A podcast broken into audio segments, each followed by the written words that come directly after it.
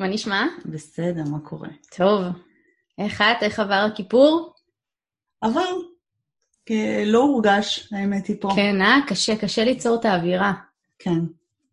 במיוחד שהאמת היא שאנחנו לא צמים, אז, אה, אז בכלל זה לא מורגש. הבת שלי היה לה אה, לימודים אונליין אה, כרגיל, הבן שלי היה בבית, אז, כן. אז הלכנו עם חברים להיפגש, אבל לא, באמת פחות מורגש. Mm-hmm.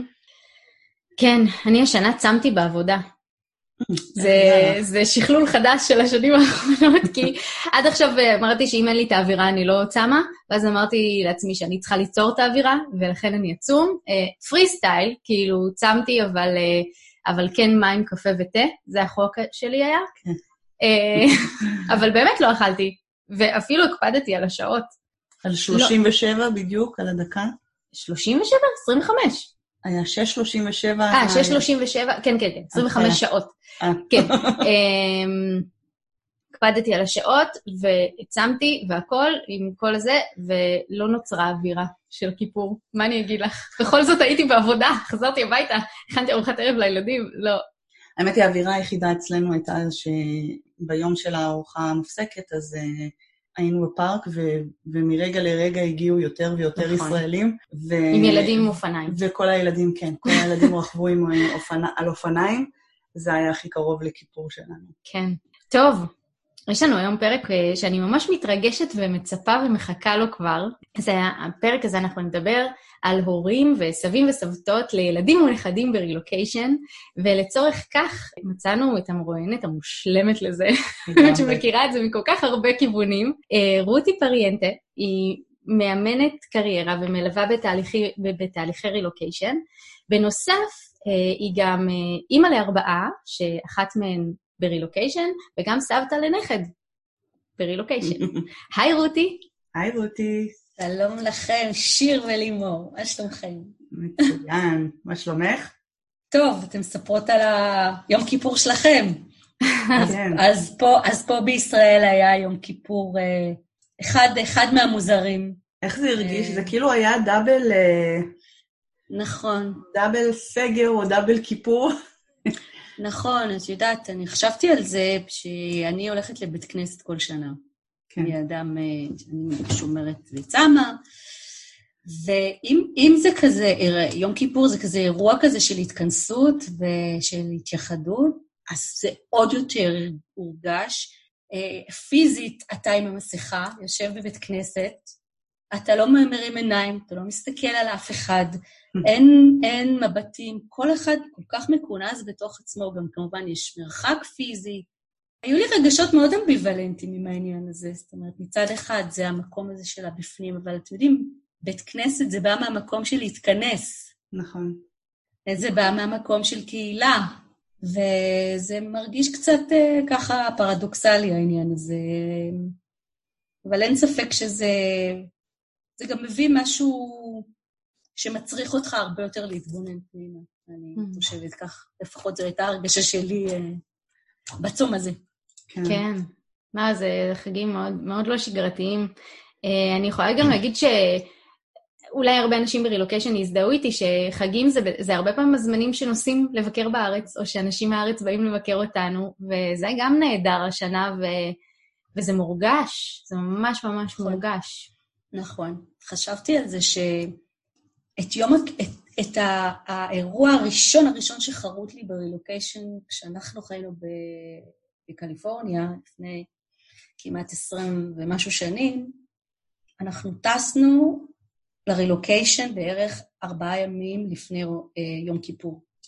תדמיינו את זה, אני עם ילדה בת שנתיים וחצי ותינוקת בת שלושה חודשים, ואנחנו משפחה, אנחנו זוג שומר מצוות, ואנחנו לא, איפה אנחנו עושים את יום כיפור, שיהיה לנו בית כנסת שנוכל ללכת ברגל, ואין.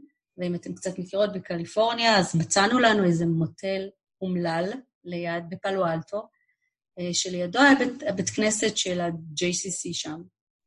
וזאת הייתה אחת החוויות הקשות שאני זוכרת. הבדידות הזאת, תחשבו מה זה להיות בתוך מוטל עם שתי ילדות קטנות, את לא מכירה נפש חיה, ואת בצום, ושאלתי את עצמי, מה אני עושה פה? למה אמרתי כן? אה, זה ממש, זה החזיר אותי, גם חשבתי על זה שאנחנו הולכות לדבר היום על, ה, על כל החוויה שיש סביב זה, ואתמול אמרתי, וואו, את זוכרת היום כיפור ההוא? אני שאלתי את רפי, את בעלי, תגיד לי, בוא, בוא נחזור הביתה, אני לא רוצה להישאר פה. רותי, זה לא הדבר האמיתי, זה לא הדבר האמיתי, עוד מעט, יהיה לנו בית, נתחיל להכיר אנשים. בהרבה מה, מה, מהחוויות של אנשים שעוברים רילוקיישן, הימים הראשונים הם, אה, יש נפילות כאלה שפתאום תוהים כזה, מה אני עושה פה? מה אני עושה פה? ככה זה הולך להיראות. יש איזשהו כזה, כן, קשה לראות את, ה, קשה לראות את העתיד של מה, מה, מה באמת מצפה לנו. אולי ככה נקודה טובה זה רק לזכור שבאמת זה משתנה. כן. זה מזכיר לי כזה קצת זה את מחמיר. ה... כן. לא. זה כמו, זה כמו שנולד ילד חדש, שבהתחלה בימים אתה כזה אומר, מה? כן. מה? איך, איך כן. אני הולך לשרוד את הימים האלה? כן. ובסוף אה, הדברים משתנים. ובסוף את נכנסת להיריון עוד פעם. בדיוק. אז אתה עושה את אותה טעות. את שוכחת. הוא בהקבלה, רילוקיישן שני ושלישי. ואז- כן. אז רגע, לפני שאולי נצלול לכל הנושא הזה של, אה, של הורים ברילוקיישן, ספרי לנו קצת על עצמך. הזכרת שעשית רילוקיישן כשהיו לך אה, ש- ש- שתי בנות. כבר שתי בנות, כן. תספרי לנו ככה, קודם כל על המפגשים שלך, החוזרים עם רילוקיישן מכל הכיוונים, אה, וגם על הפעילות שלך היום, ככה שיהיה לנו איזה baseline כזה של... הפעם הראשונה בעצם שאני זוכרת, אז לא קראו לזה רילוקיישן, אה, הייתי בת 14, זה היה בשנת 1977. אבא שלי, שעבד בזמנו במשרד החקלאות, בשירות להדרכת חוץ, קיבל הצעה יוצאת דופן אה, לנסוע לאפריקה, אה, להדריך משתלמים, לקדם אותם בכל מיני תחומים של הדרכה חקלאית, וזה בשבילו הייתה הזדמנות ומקפצה ענקית בקריירה שלו. כנראה שההורים דיברו ביניהם, אני לא יודעת, כי פשוט באו אלינו יום אחד ואמרו, ילדים, אנחנו נוסעים לאפריקה. עכשיו, אני הבכורה, יש אחריי עוד שתי אחיות ואח, והם היו צעירים וכולם, יא, יא, אנחנו נקפוץ בג'ונגל, אוקיי, כן. אני חושבת שאני, בהתחלה אמרתי, מה? לא. אחרי זה חשבתי שזה הכי מגניב בעולם. פעם היה כזאת מילה מגניב, אתם יודעים. בת כמה היית אני- כש... אני קדומה. הייתי בת 14, 13, 14. ידעתי שאנחנו נוסעים לארץ דוברת צרפתית, ולא ידעתי את השפה. אה, ידעתי שאנחנו נוסעים לאחת המדינות הכי שכוחות אל בעולם, אבל לא ידעתי מה זה אומר. וההלם היה פשוט הפער בין מה שחשבתי לבין מה שקרה בפועל היה כל כך גדול, שלדעתי הייתי בסוג של דיכאון, בואו. זה לא היה, ברור שלא היה מאובחן, אבל היה לי מאוד מאוד רע. אני זוכרת את, ה, את היום שנחתנו, והנסיעה משדה התעופה, אתם יודעים, יש רגעים מכוננים בחיים שלנו שאנחנו לא זוכרים, לא שוכחים אף פעם.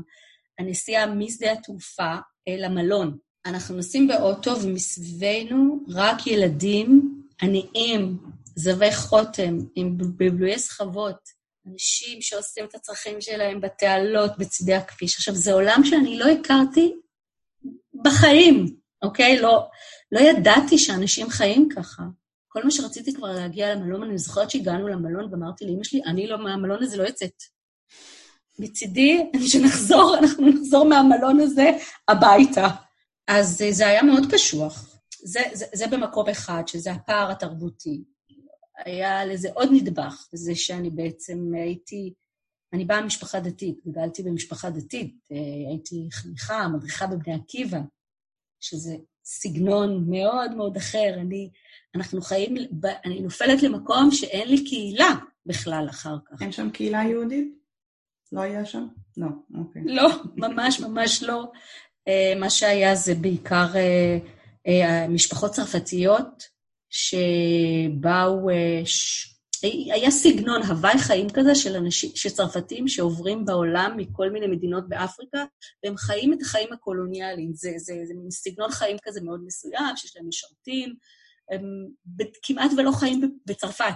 זה, זה משהו מאוד מעניין. אז גם הילדים שלהם גדלים ככה, זה, זה סגנון וטיפוסים מאוד, מאוד, מאוד אחרים ממני. את יודעת מה, כך ש- מה אני חושבת בזמן שאת מספרת את זה?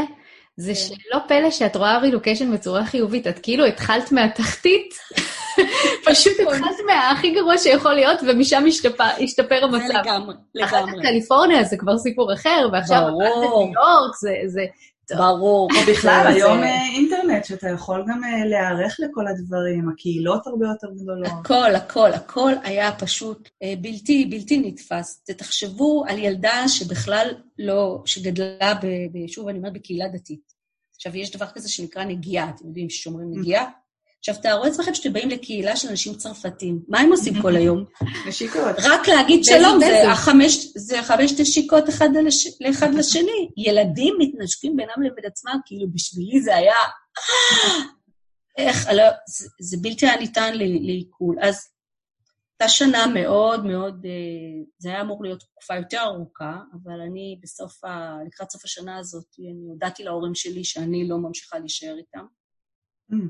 ואני קיבלתי החלטה שהם היו מאוד אמיצים לתמוך בה ולחזור לארץ. ואני חזרתי לארץ וגרתי... לבד בגיל סבתא שלי. 15? כן. אה, כן, של... הייתי, כן, 14, 14 וחצי, משהו כזה, נסענו כשהייתי בת 13, אז כן. אה, כן, זה, זה היה, זה היה, זה זיכרונות הרילוקיישן הראשון שלי, אבל אני חושבת שאני כל הזמן אמרתי לעצמי, את עוד, תזכרי את התקופה הזאתי, כאילו, אני לא יודעת איך יכלתי להגיד את זה אז לעצמי, נורא קשה בגיל כזה, אבל היה בי משהו שאמר, את עוד תזכרי שזאת הייתה תקופה מאוד משמעותית בחיים שלך. ולימים אני יודעת שזה מאוד עיצב את, אה, את השקפת העולם שלי, זה מאוד עיצב את המקום הזה של החוסן, זה עיצב את המקום של הגמישות המחשבתית, לראות חיים אחרים, תרבות אחרת, אה, זה, אין ספק שזה היה מאוד מאוד משמעותי מבחינתי, אבל היה קשוח. בוא, זה לא, אני לא יכולה להגיד על זה המון מילים טובות. זה היה קשה, אוקיי. זה היה קשה. כמה זמן ההורים נשארו שם? ההורים שלי היו אמורים להישאר עוד שנתיים, אבל גם לאימא שלי היה מאוד קשה. אה, והם אחרי שנה, עוד שנה חזרו, מה גם שאני כבר הייתי בארץ. לא כל כך רצו עוד להמשיך להשאיר אותי בלעדיהם. אז אחרי שנה הם חזרו. אז fast forward, מה, 10-15 שנה קדימה? שנת 92, אני כבר נשואה ויש לי שתי ילדות קטנות, אז אה, בעלי שעובד בהייטק, קיבל הצעה נורא מעניינת לנסוע לסיליקון ואלי, אנחנו מדברים על שנות הוואלי העליזות. אה, איך קיבלת את ה... את ה... קודם כל אמרתי, מה אמרתי קודם כל? כן. לא. לא. לא. לא. קודם כל אמרתי לא. אמרתי, תקשיב, אני לא אשכח את החוויה שלי בתור ילדה, אני לא, אני לא עוזבת, לא עוזבת את ישראל, אני לא עוזבת את הבית שלי, אני לא עוזבת את המשפחה. ואז נשמתי, ואז אמר, רותי, אנחנו בשנות ה-90. כן, אה, אנחנו צוחקים היום. אנחנו בשנות ה-90, זה תנאים אחרים, אנחנו נוסעים לארצות הברית, אה, זה חיים אחרים, העולם כבר פתוח, מתרחב, יש, לא יודעת, עוד לא היה אינטרנט. בואו. אז uh, התבשלתי בתוך זה, ואמרתי, יאללה, למה לא? דווקא אמרתי, הזדמנות טובה. ואז הגיע הרגע שהגענו, שסיפרתי עליו בהתחלה של השיחה, של, ה, של היום כיפור, ועדיין, הייתה איזו אופוריה בהתחלה, אה, של לקנות ולסדר את הבית, והכל היה באיזו אופוריה משוגעת. עד שהילדות התחילו להסתדר, הגדולה, שמתי אותה בגן, ופתאום מצאתי את עצמי, מי אני? מה אני? למה אני פה? זה היה, את יודעת, זה כמו תמיד, רילוקיישן, אני לא, לא רוצה להרחיב, כול, כולנו יודעים את זה, זה, זה, זה המון עליות וירידות, ויש יש ממש pattern מאוד מובהק של כל המהלך הזה. אני חושבת שבשנה השלישית כבר הייתי על זה, כלומר, היה לי סבבה, עשיתי, התחלתי לעשות כל מיני דברים, עסקתי גם קצת בהתנדבות, וגם עשיתי, התחלתי ללמוד. אז כמה שנים? במשקל, עשיתי כושר, הייתי בקליפורניה, אני מזכירה לכם. סך הכל, סך הכל חמש שנים. חמש שנים. איך היה החזרה לארץ אחרי אותם חמש שנים? באופן מדהים, הייתה חזרה מעולה. טבעית. עכשיו שאני חושבת על זה, אני אומרת טבעית, אבל קרה משהו שם גם, אבל גם שם קרה משהו, שגם עשה איזשהו טוויסט. סיפרתי לכם שאני באה ממשפחה דתית, וגם בעלי הוא כזה. בשנים שחיינו בקליפורניה, אז יכלנו, מה שנקרא, לווסת את זה כמו שרצינו. הילדים הלכו ל-JCC, קיבלו את ה-Jewish Education, ידעו לעשות מודה אני, ברכות, אתם יודעות את כל היידישקייט הזה. היה שבת, והילדות ידעו שבשבת לא מדליקים אור, ולא רואים טלוויזיה, והיה יום ראשון. כן, בונוס. בונוס. זה, זה, זה דבר שאני חשבתי עליו, שאנשים שהם אה, שומרים שבת, זה סוף סוף יש להם יום סוף שבוע שהוא... אה, נכון. נכון. אפשר נכון. לעשות פה דברים אה, שהם... נכון. זה, אני חושבת שהתקופה הזאת אפשרה לנו מאוד לעצב את החיים כמו שרצינו מהבחינה של האמונה שלנו, אוקיי? ולא להיות תחת, אפרופו דיברנו על קהילה, אבל גם לא להיות במקום שהוא שיפוטי. זאת אומרת, אנחנו חיים איך שאנחנו רוצים, אין לנו אנשים סביבנו שיוכלו להגיד מה היינו ומה אנחנו עכשיו. כן.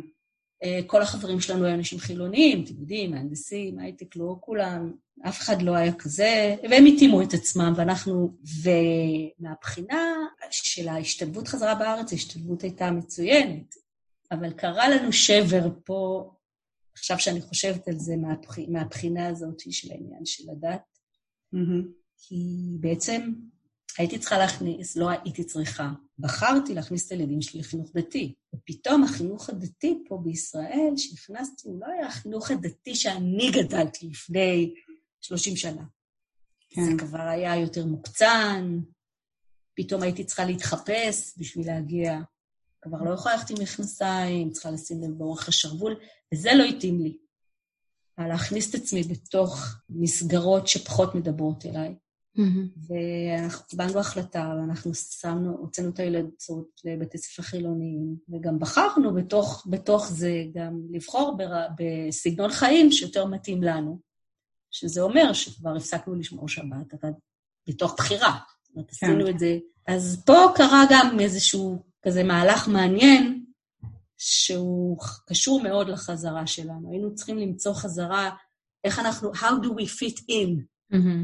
אוקיי, mm-hmm. okay, אז בוא נעשה עוד fast forward למפגש השלישי שלך, הפעם מזווית אחרת.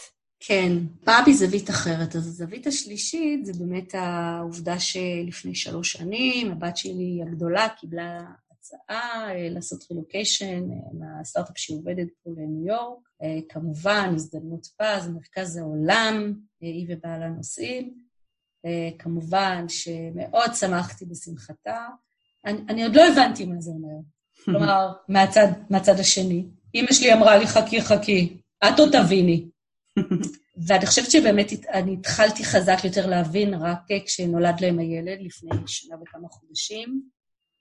אה, אז פתאום הבנתי את מה שאימא שלי אמרה לי, ואימא שלי מאוד שחררה, זאת אומרת, ההורים שלי הם אנשים מאוד פתוחים וליברליים, זה לא סתם כל המהלך הזה שעשיתי בחיים שלי, זה חלק מההוויה שלהם. ועדיין, זה מאוד קשה, והיא אמרה לי, רותי, עד שאת לא תגיעי למקום, את לא תביני אותו. עכשיו, נכון שזו קלישאה, אבל זאת גם האמת. מה הפתיע אותך? מה, מה לא, לא ציפית לו וקרה? אני חושבת שהפתיע אותי העוצמה של הכאב. יש לי עכשיו, ועולה לי עכשיו קצת, זה מרגש אותי. כי הם, הם היו כאן לאחרונה בקורונה, הם הגיעו והם היו כאן ארבעה חודשים. Mm-hmm. ארבעה חודשים שאני הייתי עם הילד הזה. כן. הוא גר אצלי פה בבית. וזה זה, זה גם א-נורמלי, בואו, זה גם לא נורמלי, נכון. בסדר? אבל אז העוצמות הן מאוד חזקות של הפרידה אחר כך. Hmm. והיום אני אה, עושה איתו וידאו, והוא מנשק את המצלמה, ו, וזה כל כך לא זה. כן. אה, אבל זה מה שיש. אני מרגישה, אני מרגישה את, אני מרגישה את זה. כן. יש את הזה, זה כאילו פתאום גם הגלגלים אצלי בראש אה, ככה עובדים? תראו, בהתחלה הוא תינוק, בסדר? אז הייתי שם שהוא נולד ונוצר איזשהו חיבור. אבל כשאת מתרחקת, אז את לא ממש חווה את החוויה של, את הגדילה, את לא, חווה, את לא חווה, אני אגיד לך מה, את זה שהוא שלוחה של הילדה שלך. ואני, ואת מסתכלת עליו ואת אומרת, יואו, איך הוא מזכיר את מעיין, תראי איך הוא עושה ככה, ואני מוציאה את האלבומים, ומראה לה, והיא מסתכלת, ו... יש בזה משהו שהוא, יש פה איזו סגירת מעגל כזאת, היא מאוד מאוד uh, חזקה. Mm-hmm. אז, אז מה שנשאר זה, זה, זה להיות עם הזיכרון, נקרא לזה ככה, של, ה, של הדבר הזה גם, גם הפיזי. Mm-hmm. זה כואב, זה כואב, אי אפשר להגיד שום דבר אחר על זה. זאת אומרת, אפשר להגיד עוד המון המון מילים, אבל בסוף זה כואב. מעניין איך ההורים שלך אה, הרגישו בתקופה ההיא שבאמת אה, לא היה את האפשרות הזאת נכון. ליצור את הווידאו ואת איזושהי המשכיות של אה, לראות נכון. את הילד גדל. אני רוצה להגיד לך שלדעתי ההורים שלי היו גיבורים. ושוב, אתה לא מעריך את זה עד שאתה חווה את זה בעצמך. כן. אנחנו היינו שולחים להם uh, קלטות, בכל שבוע היינו מצלמים, מצלמות, מצלמים כל הזמן את הילדות ושולחים להם קלטות.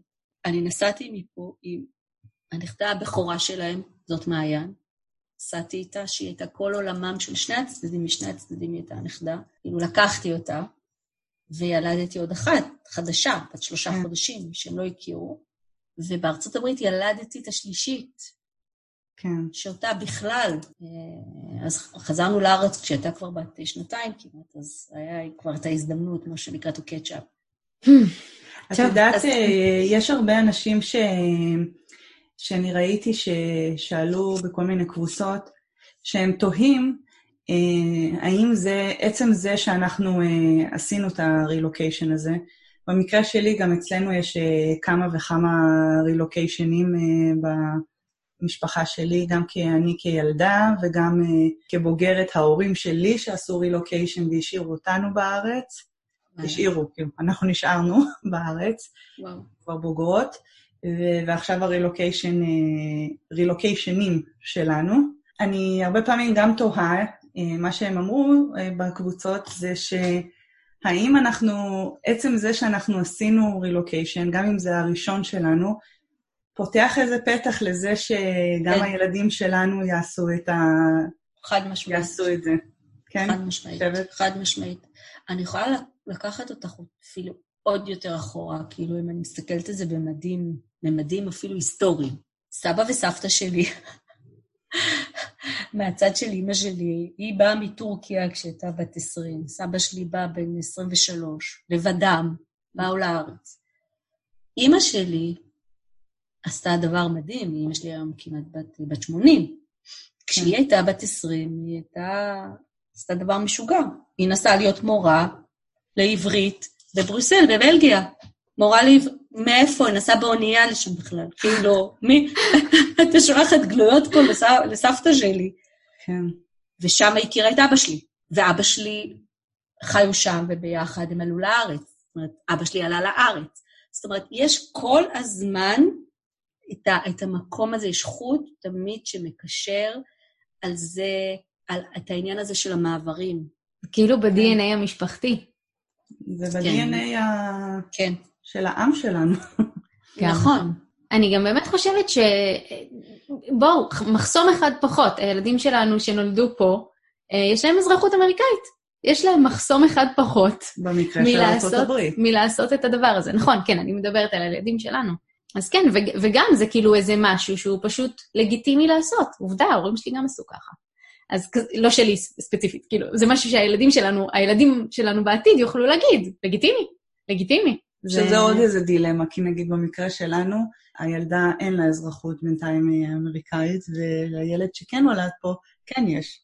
Mm-hmm. אז זה תמיד איזה מין אה, הרגשה כזה שאנחנו צריכים אולי להגיע לאיזה איזון, כי כי זה לא פייר, הם יחיו, יגדלו, והוא יהיה לו את הפריבילגיה הזאת של לעבור, ואצלה זה יכול להיות יותר קשה במידה ונחזור לפני. אבל, כן, אבל רק תצטרך למצוא דרך אחרת. כן. אנחנו מצאנו דרך נכון. אחרת. נכון. אה, אבל בכל אופן, כן, אני חושבת שזה... אני מאוד מסכימה גם ממה שאת אומרת, אני חושבת שעצם זה שגם ההורים שלי עשו איזושהי, אה, איזשהו מעבר כזה, גרם לזה ש, שהם יודעים איך החוויה הזאת מרגישה, והם הרבה יותר אה, אה, הצליחו לשחרר, אה, לפחות מחשבתית, מהבחינה הזאת של אה, אנחנו רוצים שיהיה לכם את הכי טוב, ותלכו עם הבחירות שלכם, ויהיה לנו קשה, אבל אנחנו זורמים איתכם או נותנים לכם את, ה, את ברכת הדרך. בשונה מהרבה חברים שאני מכירה, ש, ששם ההורים לא חוו את הדברים האלה, ומבחינתם הניתוק הזה שהילדים בחרו לעשות, הוא מאוד מאוד כואב, והוא אפילו מרגיש כמו פגיעה, פגיעה של אה, אתם אה, לוקחים לי, לוקחים את הנכדים, לוקחים כן. את הקשר שלנו ומנתקים רחוק רחוק. אז בואו נדבר רגע באמת על המחשבות הנפוצות ועל הרגשות הנפוצים שהורים לילדים ברילוקיישן מרגישים. איך... אה, דיברנו על הכאב, אה, אני, אני לחלוטין יכולה לראות, לראות את זה. מה עוד? איזה עוד מחשבות ורגשות ככה צפים אצל ההורים שלנו?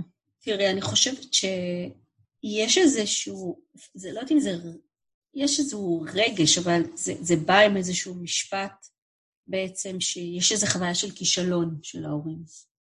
ויש לזה שני ממדים, אני רואה, ואני רואה את זה גם אצל ההורים שלי, אגב, דווקא בגלל שאבא שלי עלה לארץ, אה, ההורים שלי מאוד ציוניים. Mm-hmm. ואגב, גם אחי היה ברילוקיישן ארבע שנים בקנדה, בסדר? Mm-hmm. אז שתבינו שזה לא רק אני, זה, זה, יש את זה באמת בתוך המשפחה. אבל מבחינת ההורים, זה בסדר, אתם תלכו ואתם תתנסו בהכל, אבל פה זה המקום. ו, וזה קונפליקט שיש הרבה מאוד פעמים, אני מדברת גם על הורים אחרים, בסדר? אני עכשיו כן. אני מנסה לשקף uh, חוויה של הורים אחרים, זה הקונפליקט הזה הוא הרגשה של הכישלון במובן הציוני של המילה. זאת אומרת, לא, האם לא גידל, מה עשינו לא נכון? Mm-hmm. איך זה שהם בחרו לחיות בארץ אחרת? עכשיו, אנחנו לא מדברים על תקופה שהיא קצובה, אנחנו מדברים על אנשים שבחרו אחרי הרילוקיישן להישאר, לחיות, ויש לי הרבה מאוד חברים טובים שמהשנים ההם נשארו לחיות בארצות הברית כבר 25-30 שנה, והילדים שלהם אמריקאים לכל דבר. זה קונפליקט מאוד קשה, כי יש פה ממש קונפליקט שהוא ערכי, אוקיי? זה, זה פן אחד של זה. יש בתוך זה... אני רוצה. להגיד רק על כן. הכישלון. זה מעניין שאת אמרת דווקא כישלון, כי אחד הדברים שאבא שלי כל הזמן אומר לי, זה שזה שאנחנו עשינו את הרילוקיישן הזה, זה מבחינתו הצלחה.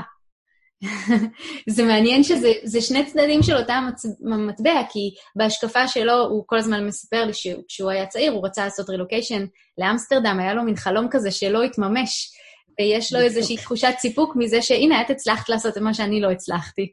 אז זה, זה מעניין, אבל זה באמת, אנחנו, זה מזוויות שונות. אני מבינה שמנקודת המבט הציונית. אבל זה לא רק זה, זה מנקודת המבט שההורים שלי מימשו. כן, נכון. את מה שהם רצו. מבינה? אימא שלי בגיל 20 נסעה לבדה, אימא שלי, אימא לחלוטין עשתה את זה. ואז אבא שלי... להם. את מבינה, חיינו באפריקה, אבא שלי כל כמה חודשים נסע בכל העולם, אה, המון חודשים עבד בכל מיני, בארצות הכי מוזרות בעולם. כשאנחנו לא נסענו איתו, לפעמים הוא נוסע לשלושה ארבעה חודשים במסגרת העבודה שלו. זאת אומרת, שמהבחינה הזאת הם אף פעם לא הרגישו שהם לא מיצו. ולכן, מבחינתם, הנקודת מבט הייתה של, מצוין, תאכלו, תטעמו, תיסעו, תבלו, אבל פה זה הבית. זה תמיד היה ההשקפה שעליה בעצם אנחנו, אנחנו, אני מדברת על עצמי, שעליה גדלנו. ואני יודעת שזה משקף עוד הרבה הורים אחרים, מכיוון שאני קצת ככה קוראת בקבוצות הורים, אז אני שומעת את העניין הזה. זה, זה, זה מקום אחד. אבל יש מקום שהוא טיפה אחר, וגם הוא מתייחס למקום הזה שבעצם יש איזו הסתכלות על כל העניין הזה כפגיעה אישית. Mm-hmm. זאת אומרת, עשו להם את זה. ההורים מרגישים שפגעו בהם באופן אישי, כי בעצם כשהילדים נסעו זה אומר שהם לא רוצים להיות איתנו. Mm-hmm. כן. הם לא רוצים לחיות לידינו, אנחנו לא מספיק טובים להם, לא כיף mm-hmm. להם איתנו, כן. הם לא מקבלים את מה שהם רוצים מאיתנו. יש פה כישלון ברמה של להרגיש, ברמה ההורית אפילו, אוקיי? מה עשינו לא נכון שהילדים רוצים לחיות רחוק? זאת העובדה, הילדים חיים רחוק, אז מה זה אומר על ההורות שלנו? Mm. זה, זה, יש פה משהו מאוד כבד להתבונן בו, אוקיי? האם זאת האמת, קודם כל? אפרופו השיר, האם זאת האמת? האם זאת האמת, או האם זה באמת חוויה לחלוטין סובייקטיבית, שלחלוטין לא קשורה אליכם? נכון. ול, ולדרך שבה אתם גידלתם. אבל זה כבר הפתרונות של איך להסתכל על זה. אני יכולה להגיד שאני בעצמי חושבת עם כמה שאני אה, לגמרי בראש אומרת, אני מאוד אשמח שהילדים שלי גם יעשו את ה... בדיוק, זו השאלה שחיכיתי לשאול אתכן.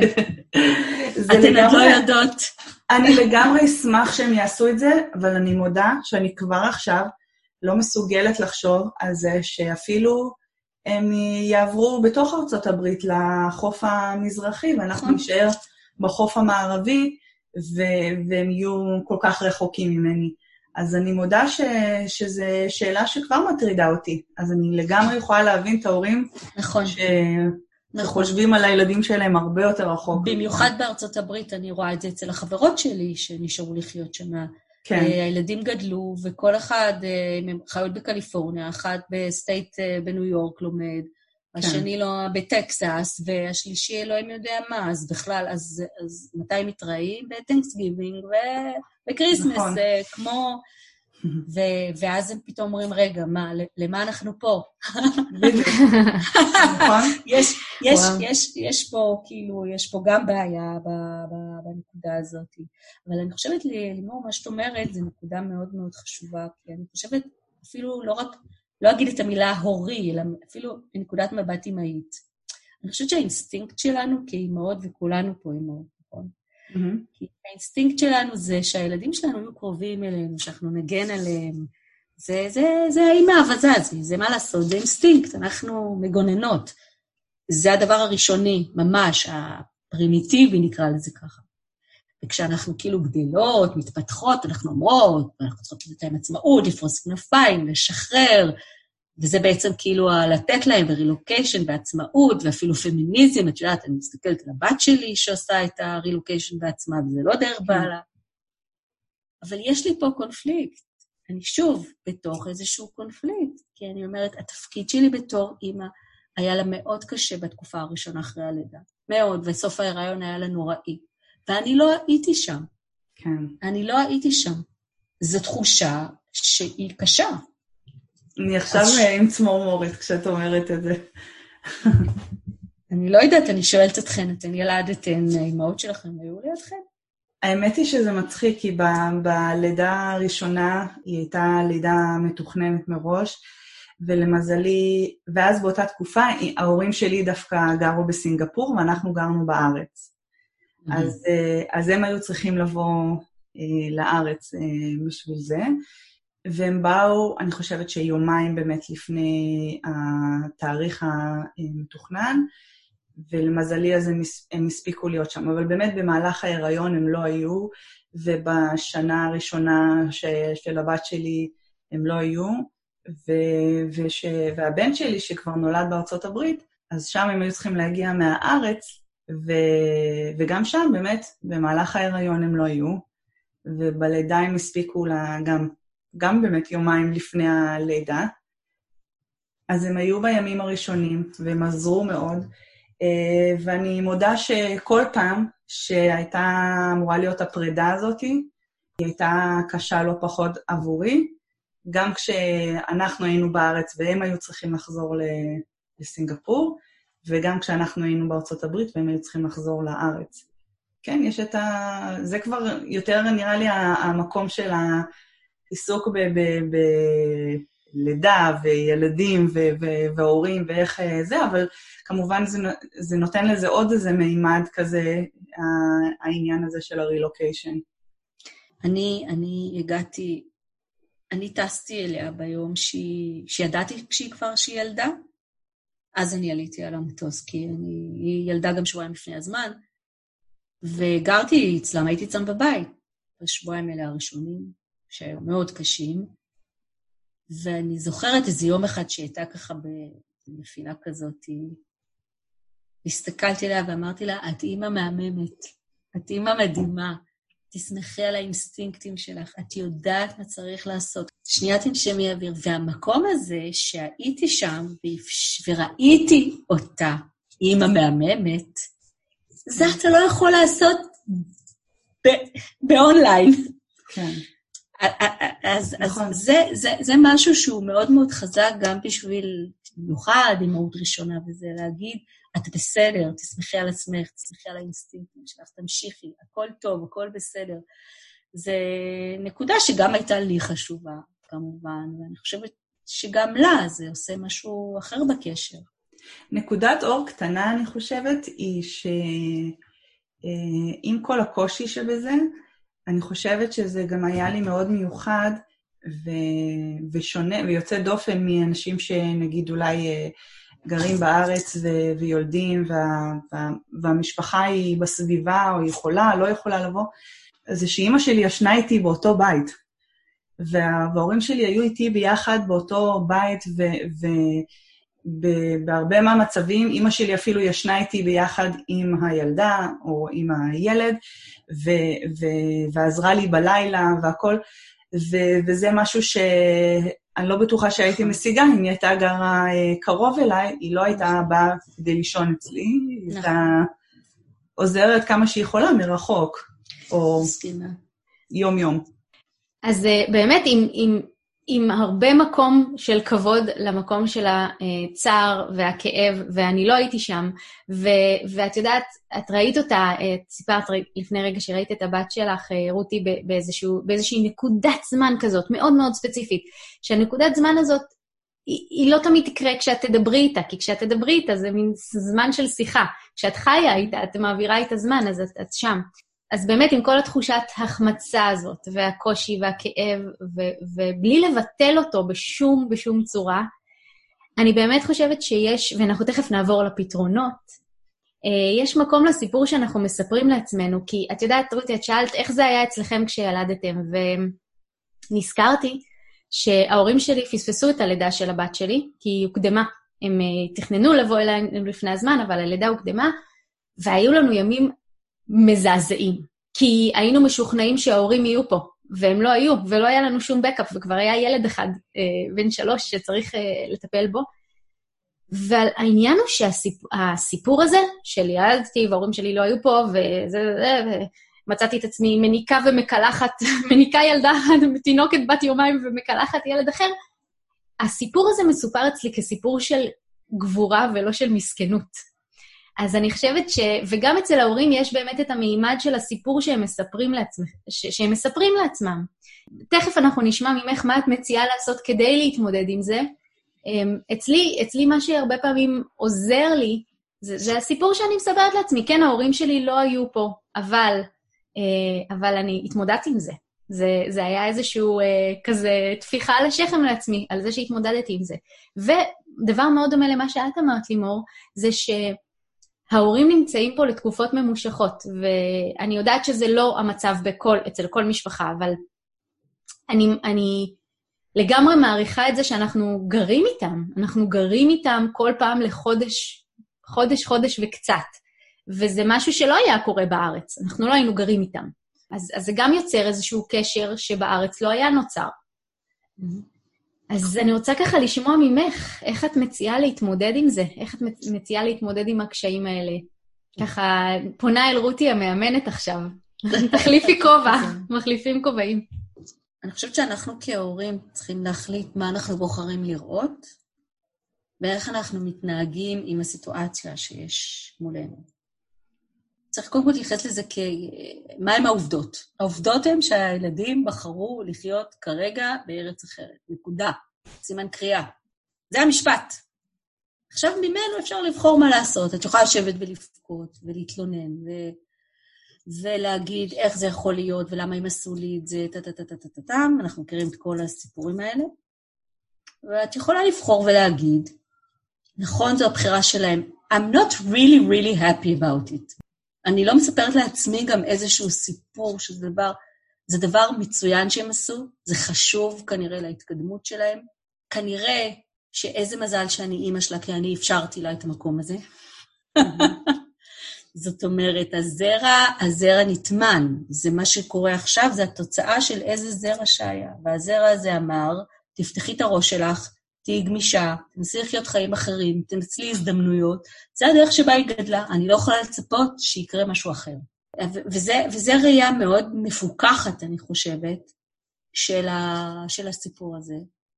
אז קודם כל, באמת, זה המקום שאני מאפשרת, אני לא מאפשרת, שאני מוכנה לקבל את זה. הקבלה היא, אתם יודעות, כמו בכל טיפול אחר, הקבלה היא זה החלק, זה, אחרי שאנחנו יודעות זה לקבל, זה להיות מוכנות לקבל את זה. ו- וזה דבר מאוד מאוד משמעותי. אני לא יודעת אם אני סיפרתי לך פעם את הסיפור הזה, ש... לא, לא סיפרתי לך אולי שיר. כשאני בחרנו ככה להוציא את הילדות מהבית ספר הדתי, כשחזרנו לישראל כבר, אה, להורים שלי היה מאוד קשה לקבל את זה. אפרופו הציונות וזה, לא, לא היה פה קל. סיפרתי את זה לאימא שלי, והיא אמרה לי, אני כבר אספר לאבא. כאילו, אני כבר אימא לילדים, מבינה? עדיין, אני כבר אספר את זה לאבא. אה, ואחרי שלושה ימים אני מקבלת טלפון מאבא שלי, ואבא שלי אומר לי, אה, רותי, אני רוצה להזמין אותך לארוחת צהריים. אבא שלי בחיים שלי לא הזמין אותי לארוחת צהריים. כולי הייתי חילו רעדה, מה הולך לקרות בארוחת הצהריים הזאת. ובארוחת הצהריים הזאת הוא היה מאוד, מאוד רציני. הוא אמר לי את המשפט הבא. הוא אמר, רותי, אני עכשיו לומד קבלה. ובקבלה, הדבר הראשון שלומדים זה... לקבל. נכון. בדיוק. ואני, זה ייקח לי זמן, אבל אני לומד לקבל את הדרך חיים שאתם בחרתם לחיות. זו אמירה עצומה. זה מדהים. עכשיו אתם, אתם מבינות שזה הדבר שאיתו אני נושאת, ואיתו גם אני מעבירה, זה מה שאני מעבירה הלאה כלפיד. Mm. נכון. אם אבא שלי שהוא איש דתי ואיש מאמין, אמר, אני ממשיך ואני אקבל אותך, גם עם הבחירה הזאת שלך. זה גם מה שאני היום אומרת הלאה, וזה גם, אני חושבת, המפתח בעיניי. להמשיך לשמור על תקשורת משמעותית עם הילדים שלנו, גם אם אנחנו לא מרוצים מהבחירה, זה בסדר, זה בסדר, אנחנו, זה, זה ברור, זה טבעי, אנחנו רוצים אותם לידינו. אבל יש פה עוד חלק, וזה החלק של לקבל את המקום הזה, ובתוך המקום הזה, אני אגיד קלישאה זה איך אנחנו עושות מזה לימונדה, בכל זאת, בתוך המקום הזה. איך עושים מזה לימונדה? אני חושבת שהקשר עם הבת שלי השתפר, mm-hmm. בזכות השנים האלה. אני חושבת שכשכבר יש לנו שיחות, הן שיחות מאוד טובות, שיחות עמוקות, אה, שאתם יודעים, מכורח החיים שאתה חי פה והיו באים לארוחת יום שישי, אני לא כל כך בטוחה שהיינו מצליחות להגיע לזה. אני חושבת שהזמני, החודשים האלה שהם היו כאן, מאוד מאוד חיברה בינינו, במיוחד בהתחלה של האימהות שלה. זה נתן מימד אחר, אין ספק. אני חושבת שזה גם נתן להם לראות אותנו באור אחר. אה, על, פתאום יש איזו הערכה אחרת. התרחקות לצורך התקרבות. את יודעת, אבל אה, אני נזכרת שאימא שלי אה, אמרה לי הרבה פעמים, כששאלתי אותה, פתאום לפני המעבר, פתאום היה לי מחשבות שבאמת, איך את הרגשת, איך סבתא שלי הרגישה בתקופה ש, ש, שאנחנו היינו ברילוקיישן. כשס... כשאנחנו עברנו לרילוקיישן, אה, סבתא שלי אה, הייתה לבדה, ולאימא שלי יש אה, אח אחד. אז, אה, אז לא נשארה הרבה משפחה אה, בארץ, ו... והיא מאוד קרובה לאימא שלי. אה, ואמרתי, מה, איך, שאתן כאלה קרובות, איך היא הרגישה? כי היא בטח, היא, היא הייתה הרבה יותר שמרנית, זה דור אפילו עוד יותר נכון. ששמרן בקטע הזה. והיא אמרה לי שבמפתיע, סבתא שלי אמרה לה, תקשיבי, אני חייתי את החיים שלי. עכשיו זה הזמן שלך לחיות את החיים שלך ולעשות את הבחירות שלך, וכל מה שתעשי, אני אקבל. ואימא שלי אמרה ש, שזה היה הדבר הכי אה, משחרר מבחינה, נכון. מבחינתה, לקבל את, ה, את ברכת הדרך הזאת והידיעה הזאת ש... שעם כל הצער והקושי והכאב והגעגוע, היא נוסעת בהרגשה ש, שהיא יודעת שגם אימא שלה חשוב לה שהיא, שהיא תעשה את הדברים ותחווה אותם uh, ככה. ואני הרבה פעמים, דווקא כשאני מדברת, עם, אם יוצא לי לדבר עם, עם הורים לחברים שלי שברילוקיישן, אני אומרת שזה הדבר הכי חשוב באמת דווקא זה ש, שאתם תבינו שזה הזמן גם שלהם עכשיו לעשות את הבחירות שלהם, וככל שאתם uh, תיתנו uh, יותר את uh, ברכת הדרך שלכם, אז גם להם יהיה יותר קל לחיות עם זה. מאוד קשה לעשות מעבר כשאתה יודע שההורים מ- מלכתחילה מאוד מתנגדים. בטח. זה לא, זה לא כמו שדיברנו עד עכשיו, עד עכשיו דיברנו, אני חושבת, יותר על ההורים שאומרים, אה, קשה לי, אני, אני זה, אבל, אבל איפשהו יותר מבינים. יש את ההורים שממש שבורי לב, אפילו ברמה של אה, ניתוק, אפילו ברמה של אה, כעס, ש, ש, שמצפון מאוד מאוד גדול של אני עכשיו בדיכאון, שאני עכשיו לא, אני לא מצליחה לחשוב, ואיך עשיתם לי זה, כל מיני אמרות כאלה כן. מאוד מאוד קשות, מהמם. וזה, אני לא יודעת כל כך באמת מה, מה הדבר הנכון מבחינת הילדים, או אותם ילדים שעושים את הרילוקיישן, איך לעזור להורים כאלה שממש מתנגדים, אולי את יכולה לתת לנו איזה שהם... אני יכולה, אני יכול, אני, אם, אם, אם יש ואם היו, ואם יהיו הורים ששומעים אותי, אני יכולה להגיד משפט אחד. כשאתם יוצרים מניפולציות כאלה, ו- וזה לא מניפולציות כי אתם רוצים לעשות רע, אתם מדברים על הכאב נכון. שלכם. אתם מרחיקים את הילדים שלכם עוד יותר, מכם, נכון, חד משמעית. כאשר אין מקום מקבל בכלל, אין מרווח נשימה בתוך המקום הזה, הילדים לא רוצים להיות בקרבתכם. אתם רוצים לקרב את הילדים שלכם? תראו להם שאתם מקבלים משהו מה, מה- מההתנהגות שלהם. אחרת, איך הם יבואו לדבר איתכם? איך הם יגידו לכם שקשה להם? איך הם יספרו לכם על השנה המחורבנת הראשונה ש, ש, שהם עוברים? איך? למי הם יספרו? הרי אצלכם אין אוזן קשבת. עם מי הם ידברו? ואני חושבת שההבנה הזאת היא שככל שאתם עושים את זה, אתם דווקא מרחיקים, היא לפעמים מעוררת קצת איזושהי אה, אה, נורה אדומה אצל, אצל הורים כאלה, והם מבינים שהם צריכים להתגבר על המקום הזה, אה, בכדי באמת לאפשר לילדים שלהם את המקום לחזור גם מנטלית, לא רק, לא לחזור דווקא פיזית, לחזור מנטלית ולהיות בתקשורת. דבר נוסף שאני חושבת, זה כל בעצם המקום הזה שההורים משתמשים במניפולציות, הרבה מאוד פעמים אני רואה את זה לצערי, במקום שהורים, אין להם חיים אחרים, בואו, אני אומרת את זה נורא פשוט, כן. אוקיי? ו- וזה לא קשור לגיל, ההורים שלי שיהיו בריאים הם בני 80, וגם בקורונה הם רואים הרצאות מפה ועד ירושלים בזום. כן. ולפני כן הם היו הולכים פיזית לבית אריאלה ולכל מיני מקומות, ולאבא שלי מצייר, ציורים פה מאחורה זה שלו, והוא מנגן, והוא עושה דברים נהדרים, והוא בחוגים, אבל עכשיו אין, והם מוצאים להם חיים. וכאשר אנחנו כהורים, אין לנו עוד מימד לחיים שלנו, חוץ מאשר להיות הורים או סבא וסבתא, זה בדיוק מה שקורה. המקום הזה שהופך להיות הרסני לנו ברמה האישית, כאילו כהורים, וגם ברמה של התקשורת עם הילדים שלנו והנכדים שלנו. נקודה מאוד חשובה, מה שאתה אומרת. כן, כן. כן.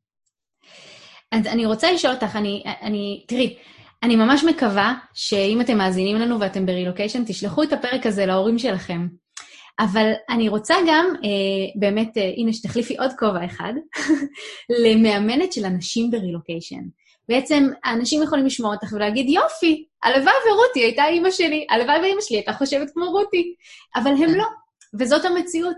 ו- ואני ככה שואלת מנקודת מבט של אנשים שנמצאים ברילוקיישן, ויש להם את הקושי הזה עם ההורים שלהם גם.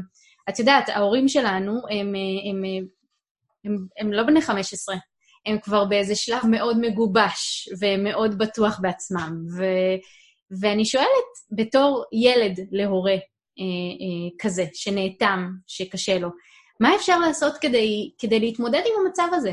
כמו שאמרתי אה, בהקשר הפוך, אז אני משתמשת בדיוק באותה מילה. תלמדו לקבל את הכאב של ההורים שלכם. Mm, הוא שם, תחבקו אותו בדיוק כמו שאתם מבקשים את זה מהם, אל תתנגדו לו.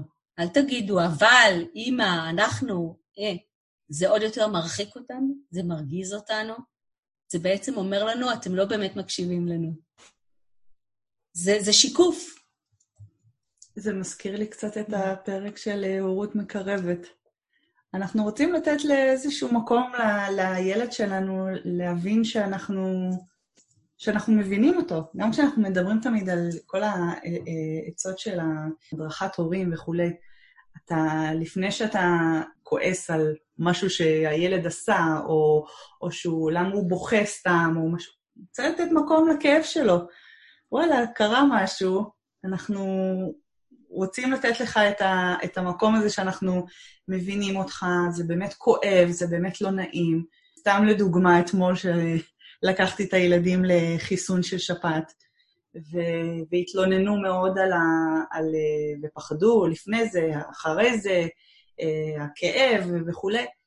ואני אומרת, כן, אני מבינה, זה באמת כואב, זה באמת לא נעים. כן. זה באמת לא נעים לעשות חיסון. ואנחנו, ולמה אנחנו עושים את זה כמובן ו- וכולי, אבל באותו רגע זה לא נעים. כן, כאילו לצאת מעצמך ולהבין ש... ברגע שאת מודיעה להורים שלך שאת עכשיו עוזבת ונוחתת עליהם, ה...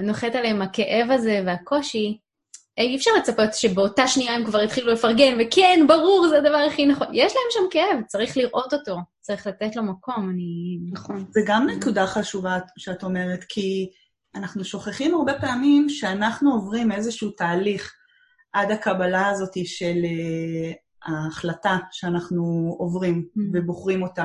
אני לא שמעתי הרבה אנשים שאמרו להם, אה, יש אה, הצעה כזאת, מה אתם אומרים? וישר שניהם אמרו, יאללה, כן, ופשוט קמו ועזבו. זה לא קורה ככה. זה בדרך כלל לוקח איזשהו תהליך, והרבה פעמים ההורים הם באיזשהו מקום בשלב האחרון של התהליך, מתוודעים למה הולך לקרות, שזה כבר הוחלט. כן, וקובעים נכון. להם עובדה. וזה אגב בעייתי. זה, זה, זה, זה, זה בעייתי, כי באמת אז הם מרגישים עוד יותר שהם מחוץ לתמונה ולא שיתפו אותם. נכון, אין שלב לעכל את זה. עכשיו, אני לא אומרת, זו החלטה זוגית, זו לא החלטה של כל המשפחה. נכון. זו החלטה זוגית, אה, לפחות כשהילדים קטנים מאוד. כן.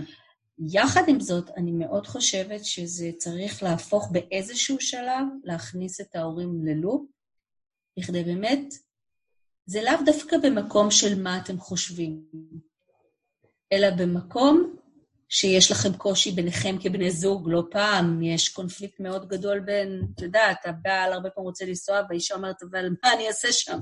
עכשיו אני באמצע הקריירה שלי, אני בבריחה, ויש קונפליקט מאוד קשה ביניהם. אני חושבת שדווקא כן לבוא ולשתף את, את, את, את האימא, או את מישהו שאתם מרגישים איתו נוח, את, את אבא, לא משנה, בכדי באמת לתת את המקום הזה שבו אתם אומרים, תהיו איתי. ומאותו רגע כבר יש רתימה בעצם לתוך כל התהליך של המעבר. אני חושבת שזה מאוד מאפשר מעבר שיש בו הרבה יותר הבנה לשני, לשני הצדדים. לא שזה יותר קל, אבל יש הרבה יותר פתיחות, כי ההורים היו שותפים לכל מה שקרה לפני, את הקשיים ביניכם לבין עצמכם, את, ה, את, ה, את הקונפליקטים שהיו גם בהקשרים כלכליים, אחרים, הילדים וכולי וכולי. זה נורא, זה מאוד מאוד נותן להם מקום ומרגישים משמעותיים גם איתכם, הילדים, בתוך התהליך. וזה. בעיניי חלק מאוד חשוב בכלל, אלא הפריה, מה שנקרא. ואם זה כבר, זה כבר קרה, זאת אומרת, ואתם כבר שם, אז באמת אני אומרת, בעיניי זה להגיד, אמא, אני מבינה אותך, אוקיי? גם אני מאוד מתגעגעת. גם לי יש ימים לא קלים, אוקיי? אז זה קודם כל לשים את זה במקום הזה שגם לי יש ימים, יש ימים לא קלים. אבל את שם. נכון, אמא, כי אנחנו עשינו בחירה לחיים שלנו. וכרגע אנחנו פה, ואנחנו פה, והחיים שלנו, אנחנו אוהבים את החיים שלנו פה. אנחנו, אני מקבלת את מה שאת מרגישה, אוקיי? ואני חושבת שככל שאנחנו שהילדים יהיו יותר במודעות לשתף את ההורים. שזה אומר, היום יש לנו את הזום, לעשות, לעשות כל דבר שאפשר לתת להם להרגיש שהם חלק מהחיים שלכם, מקרב. כן. וזה, וזה קצת מוריד את, ה, את, ה, את הקולות האלה של ה... הזה, הבכיינות והאבל והאבל. כי יש עוד, יש עולם שלם שהם בעצם כמעט איתכם. כן. אני גם חושבת שזה בדיוק הקטע הזה של uh, במקום לחשוב שהם צריכים להתנהג אחרת כדי שאני ארגיש טוב, להתמקד בחלק שלי, בחלק של האחריות. מה אני יכולה לעשות כדי לשפר את המצב? ויש גם, אגב, תחום, uh, איזשהו uh, מר, טווח פעולה שאני יכולה לעשות, ומעבר אליו אני לא יכולה לעשות. נכון. אה, אז שם מתחילה הקבלה. זה כזה, הכל מתחבר נכון. למין מארג כזה. נכון, נכון. אנחנו לא נוכל לסיים את הפרק הזה בלי לדבר על uh, קשיי הקורונה בהקשר הזה, כי מה שקורה בהקשר הזה של הקשר שלנו עם ההורים שלנו, זה שפתאום נוצרה אי-ודאות לגבי הפגישות, מתי נראה אותם פעם הבאה? זה, זה ממש ככה, uh, כל, ה, כל המשבר הזה, um, העולמי באמת משפיע, משפיע גם על זה. אני יכולה, נכון. אגב, הסיפור שאנחנו מספרים לעצמנו, אני יכולה לשתף משהו שאבא שלי אמר לי שמאוד שימח אותי, שימח אותי שהוא רואה את זה ככה. הם, הם הרי אה, שומרים על עצמם והם בבידוד, והם לא נפגשים עם הנכדים שלהם מנס ציונה, מהשלושה רחובות מהבית שלהם. ו- והם מרגישים את הבדידות הזה, הזאת, וקשה להם עם הבדידות הזאת, אבל יום אחד אני מדברת איתו בבוקר והוא אומר לי, את יודעת, אני חושב שבגלל שאתם כבר שם, ואני כבר רגיל שיש אה, דבר כזה, קשר מרחוק ובזום וזה, אני מתמודד הרבה יותר טוב עם זה שאני לא רואה את הנכדים מנס ציונה. כאילו, כמו להגיד, פיתחתי איזה חוסן. פיתחתי נכון. כבר איזה חוסן, וזה מדהים בעיניי שהוא מסוגל לראות את זה, שהוא מסוגל לפרש את זה ככה. אה, כי, כי מאוד בקלות זה היה יכול להיות, גם אתם שם, וגם עכשיו את הנכדים שפה אני לא יכול לראות. זה, זה ממש מדרון חלקלק להגיע ל- לכיוון הזה. נכון, מסכימה אה, איתך. אז, אז בואי ככה, אם יש לך איזושהי עצה להתמודדות עם החוסר ודאות הזה, עם החוסר ודאות, עם הבדידות, עם הבדידות, אין, אין מילה אחרת לתאר שאנשים חווים שם, ו- ואנחנו רחוקים, וזה, את יודעת, כאילו, אני אומרת, לפחות אם היינו שם בין סגר לסגר, היינו נפגשים בפארק עם מסכות, נכון. או משהו, אבל גם את זה אי אפשר. תראי, אני שמעתי ממישהי שהיא עושה דבר נורא נורא נחמד, שהיא דואגת, אה, היא יודעת שאימא שלה נורא אוהבת פרחים, עכשיו וההורים שלה בבידוד, והיא כל יום שישי דואגת מהחנות פרחים שליד הבית של אימא שלה, שישלחו לזר פרחים ליום. שישי, עם אה, ברכה אה, ממנה וכזה. אז, אז זה, זה נגיד דבר שלא היה מובן מאליו לפני כן, ועכשיו הוא מאוד מאוד התחזק, אני חושבת, ככה לשלוח משהו שהוא פיזי, אה, ואז יש לך בכל זאת איזושהי הרגשה של קרבה. אה, זה דבר אחד. דבר שני, באמת, מה לעשות, הפלטפורמה הזאת שאנחנו מתעסקים בה כל היום והלילה, שמזמזמת לנו הזום הזה, זה, זה, זו הפלטפורמה, זאת אומרת, בשביל לעשות דברים ביחד. אני מדברת על נגיד נכדים שהם כבר קצת יותר גדולים, אני לא יודעת מה אתם עושות, אבל אפשר אה, לאפות עוגות ביחד, ואפשר אה, לעשות אה, יצירה ביחד, ואפשר לעשות תיאטרון בובות, ואני גם אה, מקריאה סיפורים לנכד שלי, ואני מקליטה את עצמי, אה, ועושה, אתם יודעים, אני עוד יש לי סבלנות, זה הנכד הראשון, אז אני עושה תיאטרון בובות. אני עוד משקיעה. אה, כן. אז אה, זה באמת כי הוא עוד באמת צעיר, ואני מאוד רוצה שהוא יזכור את הקול שלי והוא יודע איך אני נראית. זה באמת, ב, זה, זה ברמה הזאת. אני מעבר לעולם הווירטואלי, ואני חושבת שזה בעיקר להיות בתוך התודעה של לחשוב כל הזמן על הצד השני. אתם יודעים, במיוחד אם ההורים הם כבר נגיד מבוגרים ויש להם פחות מה שנקרא חיים משל עצמם, אז הקושי הוא עצום. ואם אתם הילדים תזכרו כל הזמן שהם זקוקים לקול שלכם, לראות אתכם, לדעת שאתם בטוב, לדעת שאתם חושבים עליהם. את יודעת, בשבוע שעבר לא היה לי זמן, מה לעשות, אני סבתא עסוקה.